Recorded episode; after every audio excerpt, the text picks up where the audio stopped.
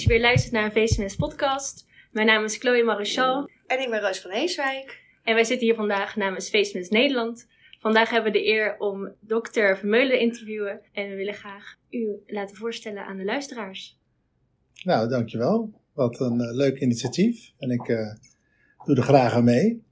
Uh, ik ben uh, inderdaad dokter Vermeulen. Ik ben traumachirurg. Ik werk nu in het Maastad ziekenhuis.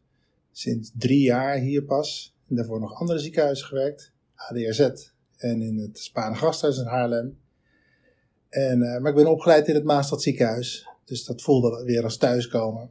Ja, daar zit ik nu. En daar heb ik me wat meer verdiept in de, in de ribfracturen en de ribbenproblematiek.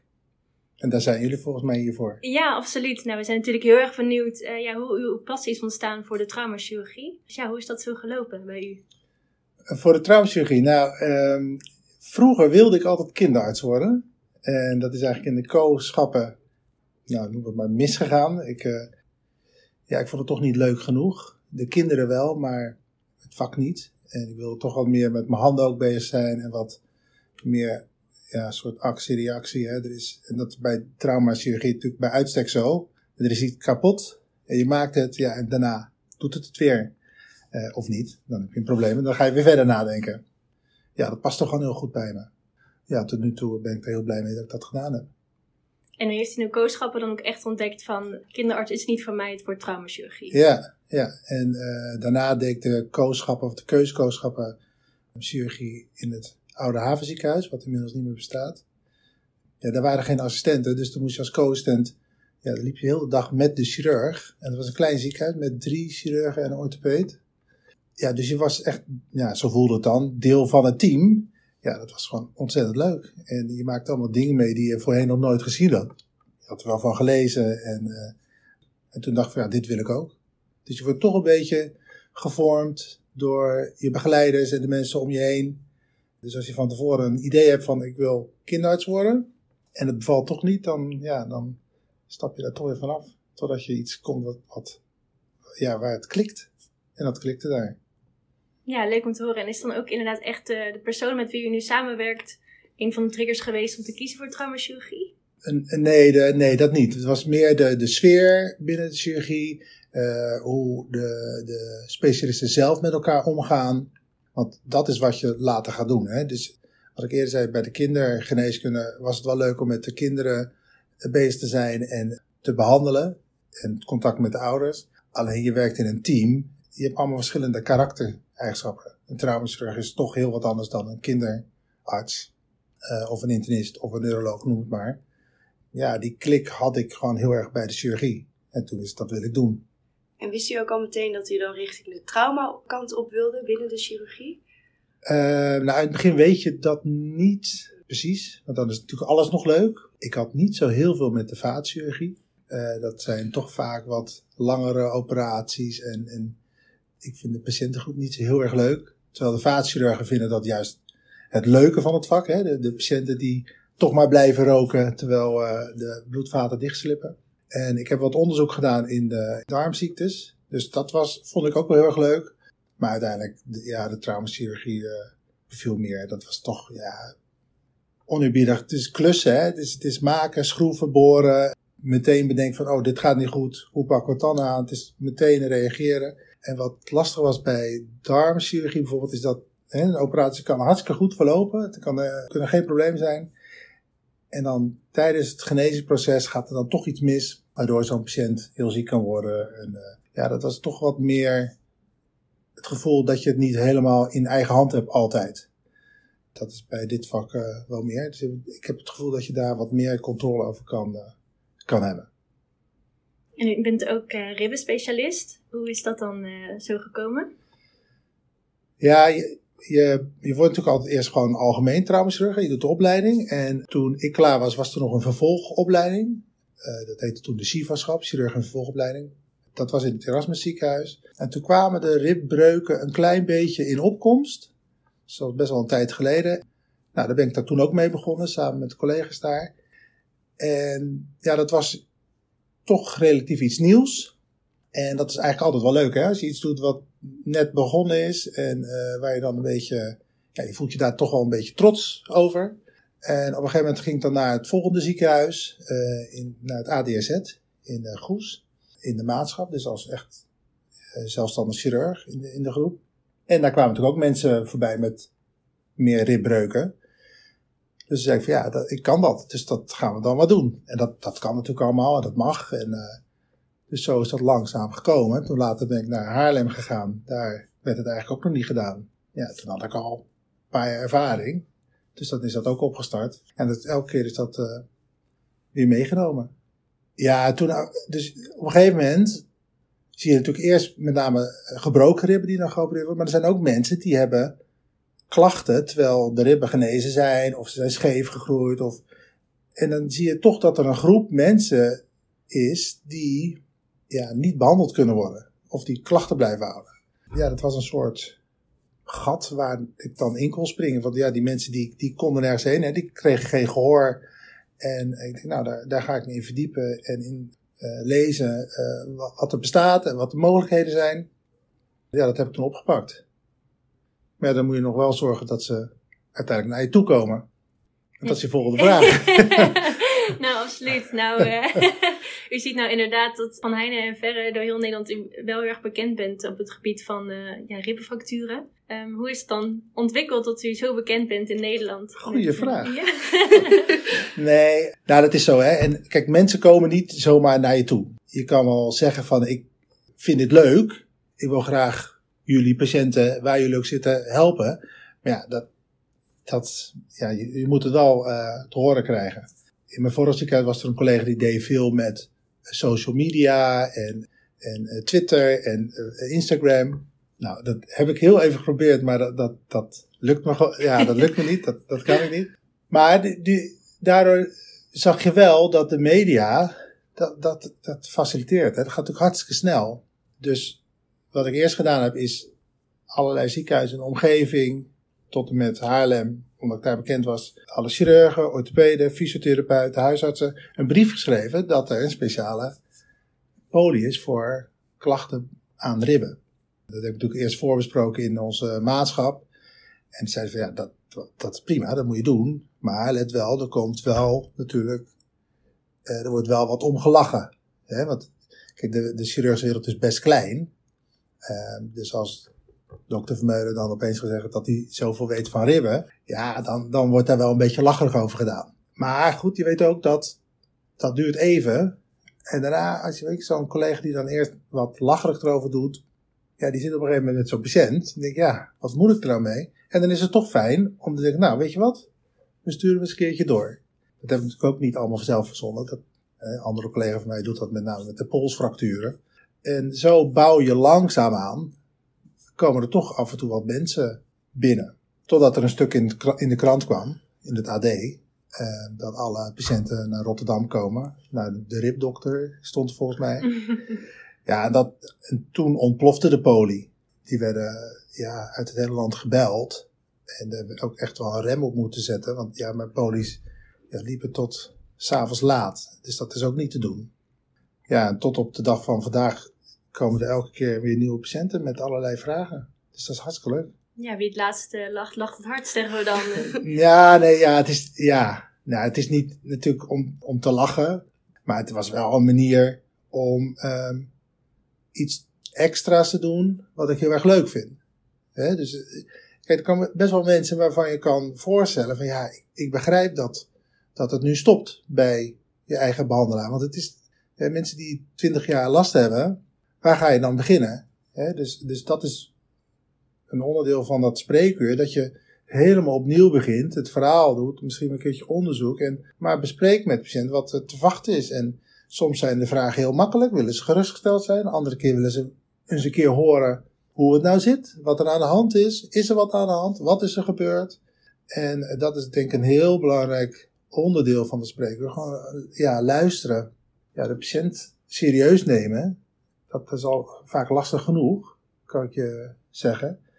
En daarna toch ja, iets meegeven. Iets, niet zeggen, ja, er is niks aan te doen. Uh, zoek het maar uit. Maar samen denken van, nou, wat, wat verwacht er nog? Wat kunnen we betekenen? Wat, wat wil je? Wat verwacht je? En dat is, um, het kost veel tijd, maar dat is wel heel bevredigend. En wat ik me dan ook afvraag, eh, als we het zo over al die ribfracturen hebben of problemen na ribfractuur. Zeker bij traumachirurgie zie ik als best wel veelzijdig, veelzijdige chirurgie eigenlijk. Hè? Veel fractuurgenezing. Uh, hoe is het dan om ook vooral te focussen op ribfracturen? Dus op één gedeelte. Mis je dan niet de veelzijdigheid? Of valt dat mee? Nee, dat valt wel mee. Kijk, we zijn allemaal. Um, kijk, in, in het ziekenhuis hebben we zes traumachirurgen. En we doen allemaal alle traumachirurgie. Allemaal tussen aanhalingstekens. En wij zijn in een gelukkige positie dat we in ons uh, ziekenhuis heel erg doorgedifferentieerd zijn. Dus ik, ik hoef alleen maar traumachirurgie te doen. Dus ik hoef geen galblazen meer te doen. Geen ontstoken uh, blinde darmen. En dat is in heel veel ziekenhuizen is dat nog wel zo. Dat als je dienst hebt en er komt een blinde darm ja, dan dat is algemene chirurgie, dat moet je ook doen. Dat is bij ons niet meer zo. Dus aan de andere kant, de, de darmchirurg hoeft ook geen uh, schouder uit de kom weer terug te zetten. Hè? Of een, of een uh, thoraxtrain uh, te plaatsen. Dus dat is helemaal verdeeld. Dus in plaats, hè, voor de tijd dat ik normaal galblazen zou doen, heb ik nu tijd om verdieping te doen. Dus de traumachirurgen bij ons hebben eigenlijk allemaal wel een soort deelgebied waarin ze gespecialiseerd zijn. Dus als ik op mijn spreker een, een polsfractuur krijg bij een patiënt, en die is best wel een lastige polsfractuur, dan verwijs ik hem naar een van mijn collega's. En zo, dat is natuurlijk hartstikke makkelijk, want het blijft binnen de groep en het is heel makkelijk te overleggen en het is gewoon duidelijk. dus als er dan ribklachten zijn, ja, dan zegt mijn collega blind, ja, dan moet je bij Vermeulen zijn. Dus het werkt heel fijn. Ja, precies. Iedereen heeft net zijn eigen gebied waar die extra verdieping in gezocht heeft. Ja, en als ik op vrijdag opereer ik dan altijd, mhm. dan staan er echt niet vier ribpatiënten op. Uh, maar er staan ook gewoon een heup op, een enkel fractuur. Weet je, er staat gewoon de normale traumatologie. En ik heb wat ruimte om uh, ribben te opereren. En wat ik me ook nog afvroeg, want daar begon u eigenlijk over dat bij de ribfracturen, dat was nieuw. Uh, volgens mij wordt er nog steeds best wel veel onderzoek naar gedaan. Wanneer gaan we opereren? Uh, wat zijn de criteria? Wanneer ga je iemand helpen? Zeker omdat hè, toch aan langer bestaande klachten vaak blijven bestaan. Vervolgt u uw patiënten dan ook langer? Doet u daar wat mee? Nou ja, ik, ik vervolg ze natuurlijk. Uh, ik, ik, bewaar al mijn patiënten in het bestand. Totdat ze ontslagen worden, uiteraard. Maar ik kan het altijd terug, uh, terugzoeken. Dus zo vervolg je ze. Ze komen natuurlijk altijd op mijn spreekuur. Totdat we samen beslissen van nou, je bent nu uitbehandeld. Dan, dan vervolg ik ze niet meer. Maar stel nou dat we willen, willen weten over, over vijf jaar hoe het met ze gaat. Kunnen we ze zo bellen. Ja. Nou, er lopen wat onderzoeken. Die zijn vaak geïnitieerd vanuit het Erasmus ziekenhuis, academisch ziekenhuis. Ja, daar lopen onderzoeken om onder andere te kijken welke patiënten moet je nou wel opereren en welke niet. Je kan je voorstellen als iemand één gebroken rib heeft, ja, die hoef je natuurlijk niet te opereren. maar als je er twaalf gebroken hebt en het zit allemaal schots en scheef, ja, dan kan je wel wachten totdat het genezen is.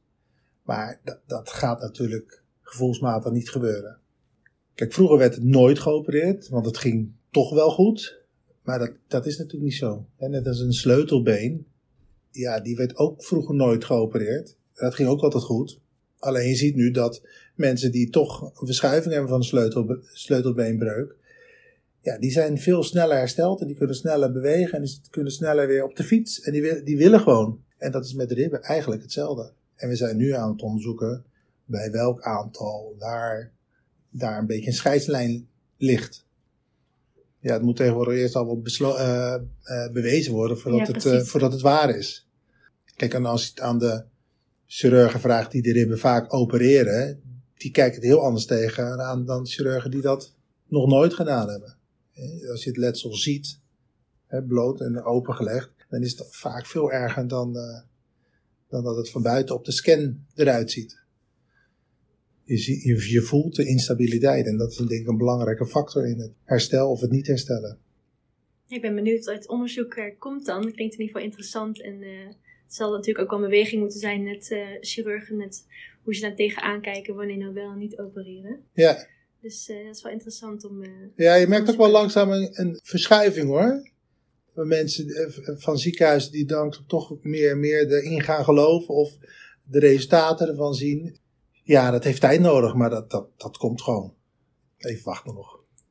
Kijk, en, en onderzoek, of dat nou echt uiteindelijk een doorslag geeft eh, voor jezelf om ergens in te geloven of niet, dat, ja, dat, Weet je, als je er niet in gelooft, dan kan je elk onderzoek natuurlijk ook onderuit praten. Hè? Dan, dan klopt er niks van, of uh, de, de, groepen zijn niet gelijk. Of... En als je er wel in gelooft, dan denk je, zie je, dit, we hebben het bewijs, waarom, waarom doen jullie niet mee? Dus dat moet je wel beseffen als je onderzoek doet. Maar men ziet toch wel dat het ja, steeds meer richting gaat. We gaan sneller opereren.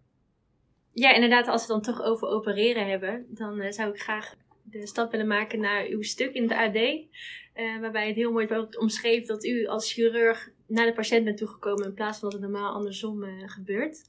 Ik vroeg me af of u daar iets meer over wilde vertellen. Ja, nou, het, het, komt natuurlijk wel vaker voor hè, dat chirurgen in een ander ziekenhuis gaan opereren. Dat is niet heel, uh, heel bijzonder. Gebeurt niet vaak hoor, maar ja, en dit, dit was natuurlijk ook een beetje uit nood geboren hè, in, in deze periode met corona. Kijk, in Dordrecht worden de ribben nog niet geopereerd. We hadden een tijd eerder hadden we ook al een keer een patiënt. Dat was in een weekend. Dat ik voorgesteld, nou, ik kan ook naar jullie komen. Dat maakt me echt niet uit. Het is natuurlijk heel dichtbij Dordrecht. Nou, dat kon daar uiteindelijk niet. En toen is de patiënt met de ambulance naar ons gekomen, naar het Maastricht ziekenhuis. Dat is een speciale ambulance, zo'n MICU. We halen een patiënt over naar de IC, geopereerd, terug naar de IC en de volgende dag weer met de MICU. Nou, dat kost natuurlijk gigantisch veel geld. Maar goed, dat is hoe het meestal gaat. Hè? Als, als een patiënt in het ene ziekenhuis niet geopereerd kan worden, dan gaat de patiënt over naar het andere ziekenhuis. En dat was nu ook wel weer de bedoeling. Alleen ja, het was de periode van de Delta-variant van corona. En de IC lag gewoon overvol. En, want we hadden het plannetje op maandag al gemaakt voor de operatie donderdag. En dan zou er voor woensdag ruimte gecreëerd worden of patiënten omgewisseld. Dus eigenlijk nog veel moeilijker dan uh, de dokter daarheen laten gaan. Nou, uiteindelijk werd er woensdag gezegd, dat gaat gewoon niet lukken. En toen hebben we heel snel uh, de firma gebeld, het ziekenhuis daar gebeld en iedereen ingeschakeld. En onze vakspecialisten onderling besproken hoe we dat konden organiseren. Dat daar de spullen zouden zijn en dat ik daarheen kon gaan. Het idee was ook nog om vakspecialisten van hier mee te nemen, maar dat was dan weer arbeidstechnisch onmogelijk met verzekering. Nou weet ik niet of ik überhaupt daar verzekerd was toen ik erheen ging. Maar er zijn dus heel veel mensen achter de schermen mee bezig geweest. En het enige wat ik hoef te doen is er naartoe te rijden. Dus het viel eigenlijk wel mee. Nou ja, en het is een ander ziekenhuis. Dus je wordt ontvangen. En verder is het natuurlijk, ja, is het eigenlijk hetzelfde. Je, je wordt wegwijs gemaakt. En je maakt contact met de patiënt. En dan ben je op de operatiekamer. Ja, dan, daar is, heb je, liggen dezelfde spullen weer. Dus het was eigenlijk hartstikke leuk. En er werkt een collega, een oud collega van uh, Maastad. Die heeft een deel van de opleiding bij ons gedaan. Dus dat, ja, dat, dat is gewoon heel prettig en leuk en gezellig. En de operatie ging hartstikke goed. Kijk, je voelt je natuurlijk ook wel een beetje trots. Want je komt binnen en dan hoor je toch van, daar is die. Weet je wel? Dan denk ik van, ja, dat, ze hebben het wel over mij. Dus, dus het speelde natuurlijk wel een beetje trots bij. Het was uh, volgens, ja, het was uh, kerstavond. Nou, dat is toch een prachtig kerstverhaal. Absoluut, absoluut. Zeker. Maar ja, inderdaad, u werkt wel met een ander team. Ik neem aan, u heeft een vast OK-team uh, in Maastad ziekenhuis, waar u mee gewend uh, te, met te werken en u bent ook voorbereid. U zijn op elkaar ingespeeld en dan bent u toch in een ander ziekenhuis met een ander team. Zijn er dan toch nog problemen die u dan tegenkomt of gaat het toch heel soepel? Nou, nee, dat gaat wel soepel hoor. Kijk, het, is, het is niet dat we echt een vast team hebben. Je hebt wel vakspecialisten, dat zijn een paar operatieassistenten die dan alles van de trauma weten. Dus die, die de spullen bestellen en weten waar de spullen liggen, bijzondere dingen kunnen bestellen. Maar verder, elke vrijdag staan er wel andere operatieassistenten bij mij. Dus die vakspecialisten hebben contact gehad daar. En daar staat dan gewoon ook een hele ervaren assistent. Dus het gaat hartstikke goed. Je kan natuurlijk altijd aanwijzen, ik wil dat klemmetje nu hebben, ik wil die hebben en mag ik die. Dus het is niet allemaal dat het heel gehaast en perfect moet verlopen. Daar is gewoon tijd voor om tijdens de operatie te overleggen. Dus dat was niet echt het grootste probleem. Maar zij vond het ook hartstikke leuk om te doen. En, uh, en de anesthesioloog was heel enthousiast. En uh, ja, dat, dan is het eigenlijk gewoon een hele gezellige ochtend. Nou, nu, u beschreef al in het begin, dit kwam ook voornamelijk door beddentekort. En dat het hartstikke, ja, eigenlijk gewoon niet ging om de patiënt te verplaatsen. Ja. Zou dit dan ook iets zijn voor in de toekomst dat de artsen vaker verplaatst worden ten opzichte van de patiënten ook zonder die beddendruk? zeker gezien iedereen een beetje toch zijn eigen expertise heeft. Ja, ja dat, dat, dat zou goed kunnen. Maar het, dat is natuurlijk eigenlijk alleen bij patiënten die niet over kunnen komen. Dan zou je met een ambulance over moeten komen en zeker beademd, dan is het best wel gedoe. Ja. Uh, maar ja, als jij in Zwolle woont, ja, dan kan je best naar Rotterdam rijden. Ja, als je niet, niet uh, aan de beademing ligt. Dan heeft het niet heel veel meerwaarde om de dokter vanuit Rotterdam naar Zwolle te laten gaan. Snap je wat ik bedoel? De, de, Ja. de, de afstanden in Nederland zijn natuurlijk niet heel erg groot. Je kan maximaal twee uur in de auto zitten. Ja, dat, dat heb je er dan wel voor over. Maar voor al die anderen zou dat wel kunnen. Ja. Maar ja, dan. Kijk, ik kan natuurlijk ook niet. eh, nu even op mij betrekken dan. Ik kan niet elke dag ergens naartoe gaan. Er moet wel ook eh, gewoon gewerkt worden. Snap je? Er moet wel spreekuren gedaan worden. En, eh, Ja, en er moet ook. ja, er er zullen toch iets met kosten en zo gedaan Ja. moeten worden. zeker. Anders zeggen mijn collega's van nou, leuke week gehad weer, maar Niet gezien. niet gezien, nee. Nee, er zitten, zoals ik het nu begrijp, toch ook nog wel heel veel haken en ogen aan. En wellicht dat inderdaad voor die patiënten die moeilijk over te plaatsen zijn of waarbij heel veel extra zorg komt kijken, dat het dan een oplossing kan zijn Ja. eh, om de arts te verplaatsen in Ja. plaats van de patiënt. Dat denk ik wel. Ja. En dat, ik denk dat, dat, dat gaat ook wel makkelijk, hè? Want je, al die ziekenhuizen spreken toch dezelfde taal. Hè? Ja. Je, je weet waar je het over hebt. En je weet, de operatieassistenten weten wat hij moet doen, de anesthesioloog. Dus dat is denk ik het probleem ook allemaal niet. Maar het is alles eromheen. Het, het regelen en het doen. En ben ik wel verzekerd? En zijn de spullen daar? En wie gaat dat betalen? En wie, wie, wiens tijd is dat? En ja, dat is toch vaak dan wel eh, een discussie in dit soort eh, zaken. Daar hebben we het nu niet over gehad. Dan willen we graag, heel graag aan u vragen wat u de nieuwe dokters in space zou willen meegeven. Gezien uw ervaring als chirurg, traumachirurg, wat zou u leuk vinden om aan de luisteraars mee te geven? Dat is de moeilijkste vraag van allemaal natuurlijk. Ehm, nou, weet je, ik, ik las dit weekend ook weer een stuk dat heel veel jonge dokters uiteindelijk willen stoppen of parttime willen werken omdat het te zwaar is met, met allemaal eh, administratieve lasten zo. Het is ook heel erg veranderd, hè? je moet veel meer noteren. Maar wat, wat echt het belangrijkste is, is dat je moet je ook bedenken dat het wel een uniek vak is. Je mag heel de tijd met mensen werken en je mag met ze praten, je, je kan ze beter maken. En als het niet lukt, dan is het soms heel emotioneel. Of, en dat is natuurlijk ook veel, het geeft wel waarde. Ja, en, en wat ik zei, je werkt de dag met mensen, dus je kan kletsen. En je, je, je op de operatiekamer als je chirurg bent, de sfeer is leuk, dus er is ook heel veel lol en eh, er wordt leed gedeeld. Dus het is heel, ja, je, je zal toch maar heel de dag op kantoor moeten zitten, hè? Zo denk ik altijd maar. en daar, daar, en deadlines halen en, en het houdt me niet op, het blijft binnenkomen. En hier kan je patiënten behandelen en die zijn dan blij en die danken je en die, die gaan vrolijk naar huis. Dat is natuurlijk hartstikke fijn. Ja, het belangrijkste is dat het echt een heel leuk vak is en dat je, je moet beseffen dat elke patiënt, ja, die heeft een zorgvraag en die komt speciaal daarvoor naar jou toe. Nou, dat is toch wel, dat is niet niks.